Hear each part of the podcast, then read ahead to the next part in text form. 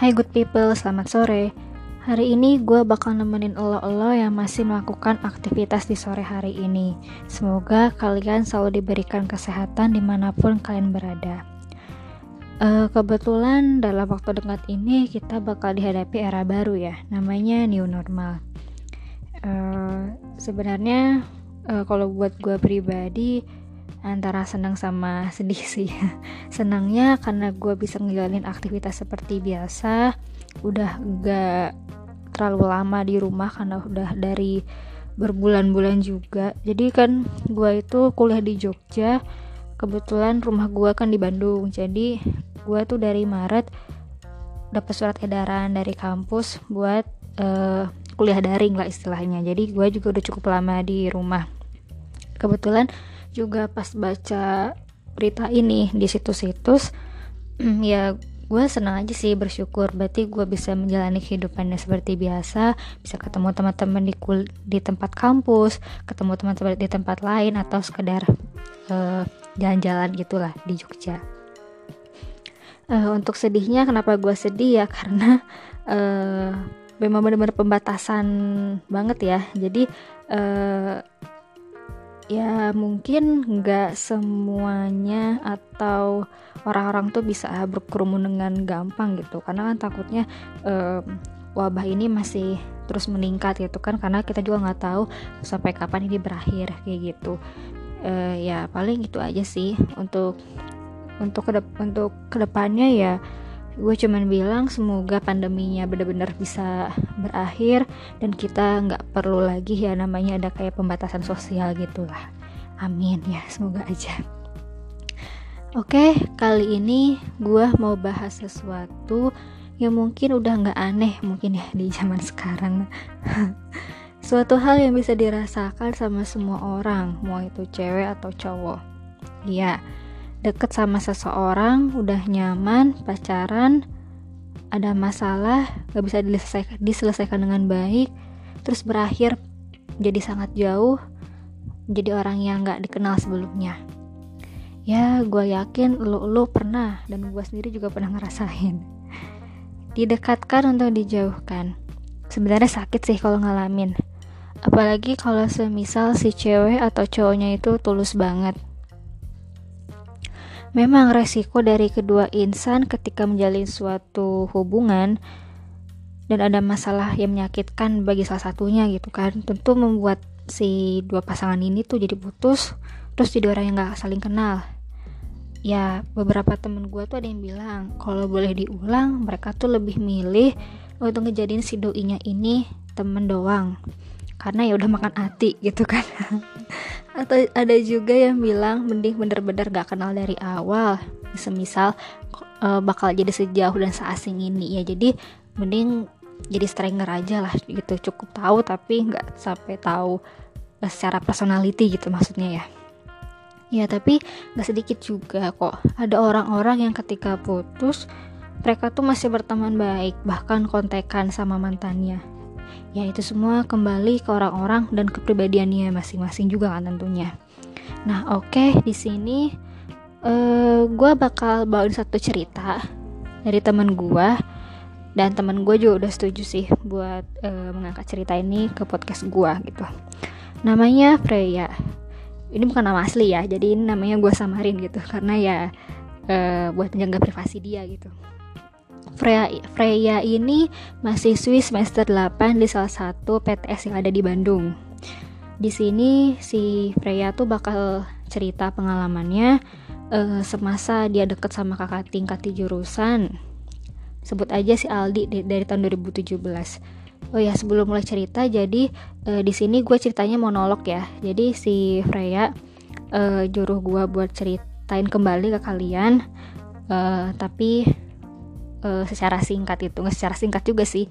Uh, ya maunya maunya Freya gue yang bawain gitu lah oke uh, lanjut aja. Jadi si hubungannya mereka ini uh, berakhir berakhir di awal tahun 2019 tapi di sini si Freya tuh nggak bilang uh, sama gue hubungannya tuh sama si Aldi tuh kayak apa gitu. Nah Awal mula Freya kenal sama Aldi ini bermula dari Freya yang hendak mendaftar BEM fakultas di kampusnya. Kebetulan si Aldi ini tuh uh, yang ngewawancara di departemen yang Freya Minati gitu. Sejujurnya si Freya emang udah suka sama si Aldi itu dari lama, dari pandangan pertama juga katanya. Menurutnya Aldi ini tuh ya uh, cowok idaman gitulah bagi Freya. Ya tinggi, putih, cakep, terus pintar juga, terkenal pintar di jurusan sebelah katanya gitu. Ya di situ si Freya pas tahu Aldi yang wawancara ya dia tuh cuman kayak kagum aja gitu wah bisa lihat Aldi dari dekat gitu kan ya di situ Freya juga nggak komentar apa-apa dia bilang di situ prosesnya cuman kayak sebatas pewawancara yang lagi seleksi calon-calon anggota BEM gitu nah dua minggu setelahnya pengumumannya itu diposting di Instagram BEM fakultas itu. Dan si Freya ini keterima seleksi. Dia seneng banget karena dia ditempatin satu divisi sama si Aldi. Mungkin ya divisi mungkin kalau di tempat gue namanya departemen ya. Jadi jadi dia tuh satu departemen gitu sama si Aldi ini gitu. Menjalani hari-hari menjadi anggota BEM pasti sibuk banget. Apalagi statusnya si Freya ini tuh anggota baru katanya. Jadi kalau di kampusnya itu tiap ada anggota baru tuh pasti bakal selalu diikutin di tiap-tiap prokerja BEM atau program kerjanya BEM. Nah kebetulan pas periode periodenya si Freya ini jadi anggota baru di BEM dia tuh juga uh, dapat event gede lah di kampusnya. Keba apa sih namanya uh, ini kepanitiaan disnatalis di fakultasnya itu. Dan lucunya dia bilang dia itu satu divisi sama Aldi kayak gak tau divisi apa gitu kan. Nah dia bilang katanya inget banget dulu gue tiga bulan danusan danusan tuh dana usaha gitu kan buat nyari duit uh, apa namanya buat biaya-biaya event event-event proker gitu. Jadi dia tuh danusan sama Aldi muter-muter di fakultas gitu. Dan jujur katanya si Aldi ini tuh orangnya baik banget. Dia perhatian. Terus kalau si Freya bete dia pasti langsung bantuin jualan ke anak-anaknya sampai habis gitu. Karena danusannya si event ini memang harus habis karena kan butuh dana yang besar gitu kan. Nah jadi si Aldi tuh nganggap Freya tuh kayak bukan adik tingkat gitu. Ya kayak teman sebaya Kayak udah bener-bener deket banget gitu. Nah makin hari Freya sama Aldi ini makin deket katanya. Dan pengurus BEM tuh pada ngira mereka itu pacaran Karena saking ke mana-mana itu bareng gitu.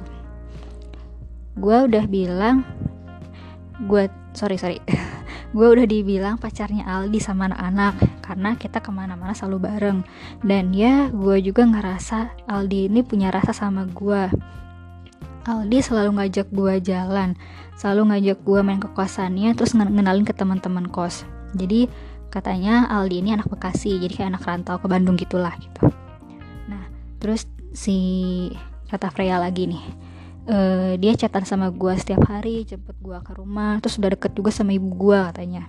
Cuman ya gitu dari dia tuh maupun gue nggak ada satupun yang nanya ini tuh sebenarnya hubungan kita tuh apa? gitu gue waktu itu bego juga. Kenapa nggak nanyain ke Aldi? Entah gue udah bucin parah sama Aldi sampai gue tuh nggak abain hal yang penting yang biasanya ditanya sama kebanyakan orang atau pasangan. Tapi jujur gue tuh bertahan sama Aldi ini setahun kalau nggak salah tanpa ada satu kata di antara kita yang bener-bener nanya ini tuh pacaran bukan sih? gitu kata si Freya. Terus lanjut lagi lanjut lagi kata Freya. Pertengahan 2018 Aldi ini udah sibuk nulis skripsi. Gue udah mulai disibukkan sama tugas-tugas kuliah juga. Kebetulan gue juga jadi asdos di kampus. Di sini tuh kita mulai banget sering berantem debat karena hal-hal sepele karena memang posisinya kita lagi di masa-masa sensitif gitu. suatu waktu kita pernah berantem di kosannya dan dia tuh nggak sengaja bilang katanya ya udahlah gak usah saling bergantung gini gak usah ngatur-ngatur juga. Toh kita selama ini nggak ada apa-apa gitu dan katanya di situ Freya kaget dong katanya kok Aldi bisa mikir segitunya? gitu. Terus e, kata Freya bilang di situ dia marah-marah nggak jelas sama Aldi terus pulang ke rumah sendiri. Jujur katanya gue nangis kaget kecewa. Ternyata selama setahun yang kita lewatin bagi Aldi itu bukan apa-apa gitu. Akhirnya gue nggak tahu kapan ini kejadiannya.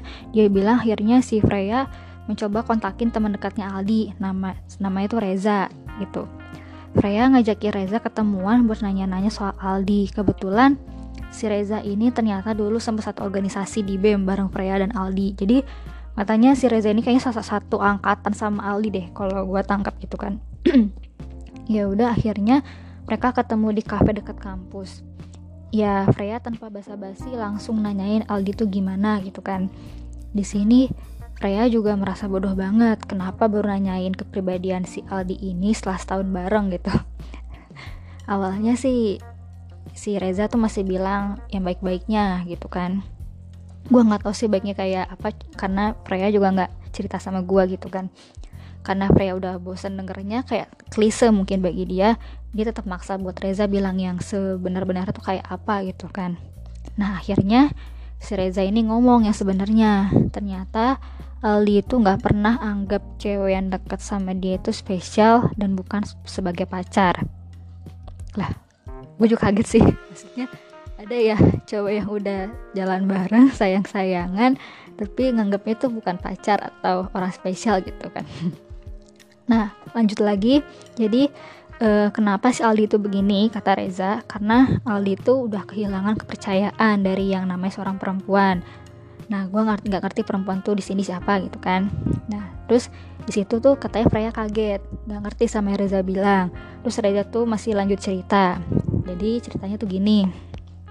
Jadi ibunya Aldi ini udah lama ninggalin Aldi tuh sama ayahnya tanpa kejelasan. Jadi waktu masih kecil sekitar umur 3 tahun ibunya Aldi ini jadi TKW di Hong Kong. Katanya sih waktu itu dia bilang 4 tahun e, masa kerjanya gitu. Tapi baru satu tahun kerja di Hong Kong sebagai TKW katanya ibunya tuh e, dikabarin udah nikah sama orang sana gitu. Tapi gak tahu e, si Reza juga nggak paham Aldi itu dapat cerita itu dari siapa gitu. Dari saudaranya kah atau dari siapa juga nggak ngerti gitu kan nah sejak kejadian itu ayahnya Aldi ini terpukul. Ayahnya waktu itu masih nggak paham kenapa bisa terjadi seperti itu. Ya mungkin um, ada miskom atau apa juga si Reza kata Freya ini nggak ngejelasin begitu detail gitu kan. Jadi waktu pas si Aldi ini umur udah 4 tahun 4 tahun eh, dia emang masih kecil katanya tapi dia paham kalau ibunya tuh nggak akan kembali lagi ke keluarga itu nggak akan kembali lagi ke rumah itu gitu nah karena kejadian itu Aldi punya pikiran kalau cewek-cewek yang selama ini deketin dia di kampus tuh ya cuma suka karena hal-hal yang dia punya aja gitu seperti ibunya yang di dalam pikiran Aldi itu nikah sama orang kaya di Hong Kong gitu katanya Nah, di situ si Freya kaget banget dan hampir mau nangis katanya.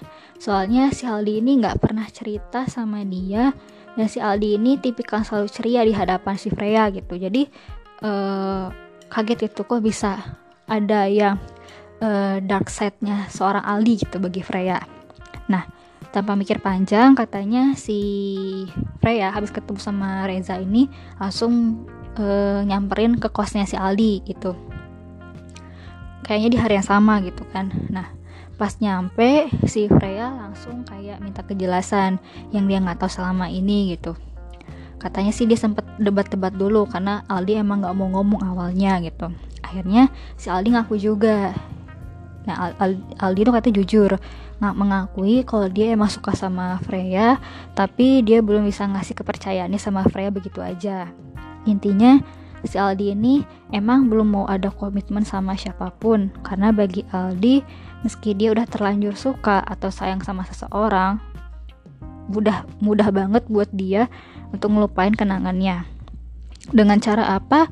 Ya dengan cara menjadi orang asing seperti di awal. Karena si Aldi ini udah nggak bisa menjadi seperti biasa ketika seorang cewek mulai nanya status hubungan mereka atau terlalu mengekang gitu.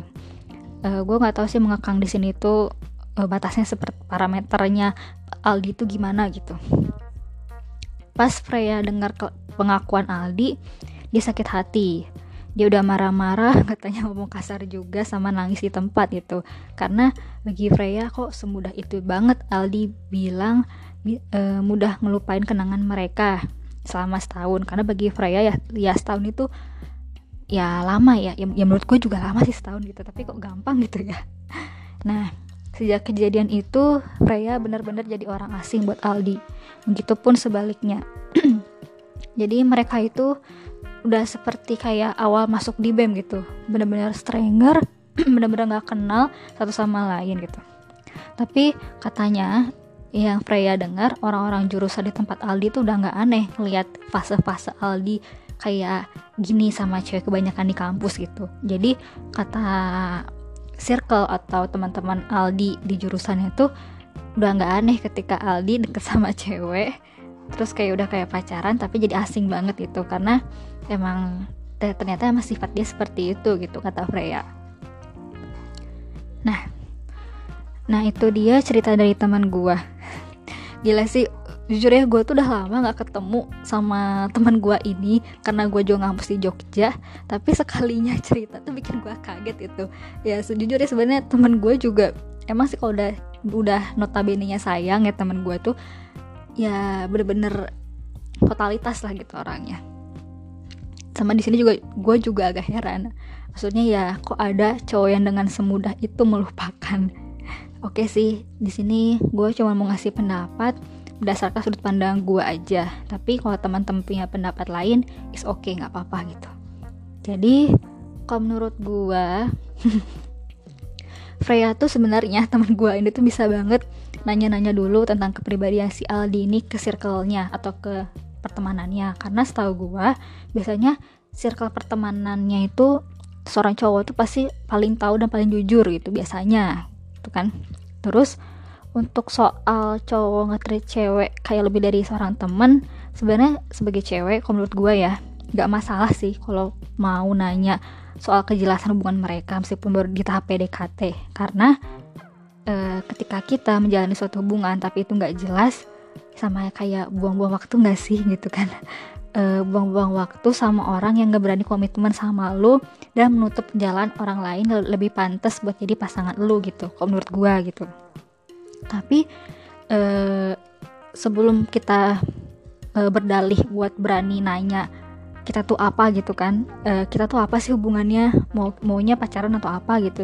Sebenarnya kalau menurut gue pribadi hati nurani itu paling jujur sih jujurnya kenapa? Karena uh, yang paling tahu gitu apa yang apa yang kita lakukan tuh udah benar belum sih atau ada yang ngeganjel di hati. Biasanya kan kalau ngeganjel tuh berarti ada yang nggak beres tapi yang nggak tahu juga sih gitu kan. Uh, terus juga untuk Aldi gitu ya si nama samaran ini gue gak mau komentar apa-apa. Soalnya ya oke okay lah si Aldi punya masa lalu yang kurang bagus tapi jangan jadiin alasan itu sebagai untuk apa ya sebagai alasan untuk merusak hati orang-orang yang udah tulus sama si Aldi gitu. Uh, ya memang uh, masa lalu seseorang atau tiap-tiap orang kan beda-beda. Tapi harapan gue jangan dijadikan alasan untuk menyakiti orang yang orang yang baru dalam kehidupan kita tapi gak tahu apa-apa masalahnya gitu kan uh, mungkin juga menurut gua Tuhan juga punya cara lain uh, buat si Aldi ini dapat kebahagiaan dan, dan kepercayaan da dari seorang perempuan. Karena dengan begitu menurut gue ya jadinya nggak lebih baik kalau misalkan dia kayak ajang balas dendam gitu. Ya dari sini banyak banget kok hal positif yang bisa diambil gitu.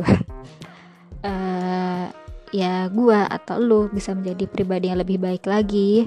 Uh, lo juga bisa mengenal ternyata karakter seorang cowok atau cewek itu ternyata ada yang gak seperti itu gitu. Ternyata ada juga yang seperti mantan lo atau masa lalu ternyata ada orang seperti itu. Dan lo juga bisa bertindak lebih bijak ke depannya lu juga bisa paham ketika lu berhadapan dengan seseorang yang punya sifat sama atau masa lalu sama uh, lu bisa lebih siap buat ngehandle kayak gitu. Ya ya itu sih kok dari pribadi gue ya. Didekatkan untuk dijauhkan. Suatu hal yang bisa gue atau kalian yang lagi dengerin ini patut syukuri. Kenapa gue bilang gitu? Mungkin ya ini jalan lu atau gue ketika harus kenal dan menjadi seorang yang spesial bagi si doi atau si masa lalu mantan lah pokoknya itu e, berakhir menjadi sangat jauh gitu jauh dalam artian jadi orang asing ya nah di situ kita juga bisa dapat hal-hal berharga di dalamnya gitu Seperti pepatah yang bilang, pengalaman adalah guru terbaik.